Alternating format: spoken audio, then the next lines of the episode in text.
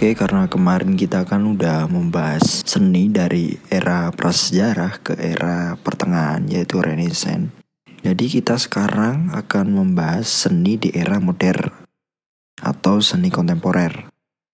Jadi seni kontemporer ini awal mulanya terjadi dan berkembang di Perang Dunia Kedua, di mana ketika saat itu uh, kondisi dunia itu sangat kacau dan perlu adanya penyegaran-penyegaran ilmu pengetahuan dan seni.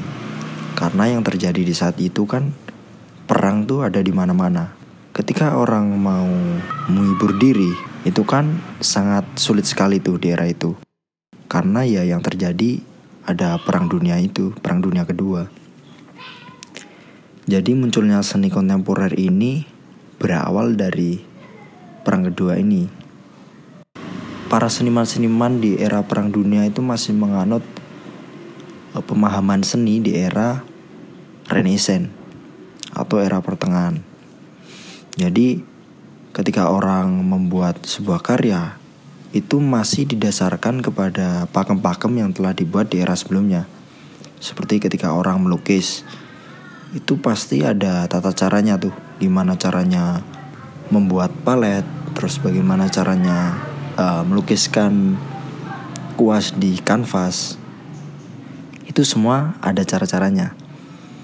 Dan bukan di lukisan saja tapi juga di seni yang lain misal teater terus uh, seni pertunjukan terus ada lagi seni rupa itu semuanya terikat oleh aturan-aturan yang udah dibuat di era sebelumnya. Lalu ketika seni kontemporer lahir itu seni kontemporer berusaha untuk uh, apa ya berusaha mendobrak aturan-aturan yang udah dibuat di era sebelumnya. Jadi seni kontemporer itu seni yang berbentuk lukisan, fotografi, mungkin instalasi atau pertunjukan dan video yang diproduksi pada era sekarang Maksudnya pada era Perang Dunia Kedua sampai sekarang. Meskipun seni kontemporer ini terlihat sederhana, tapi seni kontemporer ini tidak terikat oleh aturan-aturan konvensional yang ada di era sebelumnya. Jadi seni kontemporer itu berhasil me apa ya? meleburkan batas-batas seni rupa, teater, tari, dan musik. Jadi kalau kita lihat seni kontemporer itu kan banyak sekali tuh macamnya. Mungkin ada yang berupa instalasi listrik, terus instalasi yang dari sampah, atau mungkin ada yang anti mainstream, misal instalasi yang terbuat dari permen karet, atau mungkin ada juga itu yang pernah saya lihat. Jadi ada sebuah instalasi kalau nggak salah di Jogja National Museum di tahun berapa ya? 2019 kalau nggak salah. Itu ada instalasi yang berbentuk abstrak. Jadi kalau orang biasa melihat itu kayak saya atau teman-teman mungkin bingung tuh ini maksudnya apa ya? Kok dibuat kayak gini?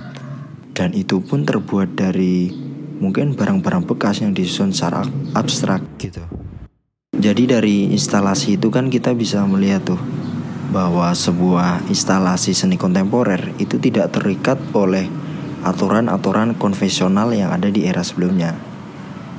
Jadi seni kontemporer itu lebih bebas lah kalau kita menyebutnya. Sesuai dengan kemampuan dan akal pikiran si seniman itu sendiri. Dan seni kontemporer ini biasanya pengaplikasiannya itu tidak terbatas di sebuah medium. Jadi mungkin ada yang diaplikasikan di sebuah gedung yang besar atau enggak gitu di ruangan yang kecil atau bisa juga di papan yang mungkin lebarnya cuma seperti papan yang ada di SD itu. Dan teknik-teknik pembuatannya pun beragam. Ada yang menggunakan, ada yang mencampurkan disiplin lukisan dan seni rupa, ada yang mencampurkan dari si sain dan lukisan, ada yang juga mungkin uh, seorang ilmuwan.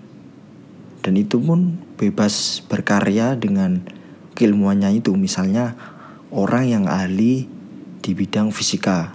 Jadi dia bisa membuat sebuah seni dari ilmu fisika itu. Kalau misal kalau misalkan kita sebut aja instalasi yang berbentuk sebuah hewan misalkan itu kan juga bisa disebut sebuah seni kontemporer. Meskipun dia itu tidak dari kalangan seniman tapi kalau dia berusaha mengekspresikan dirinya melalui ilmu yang ia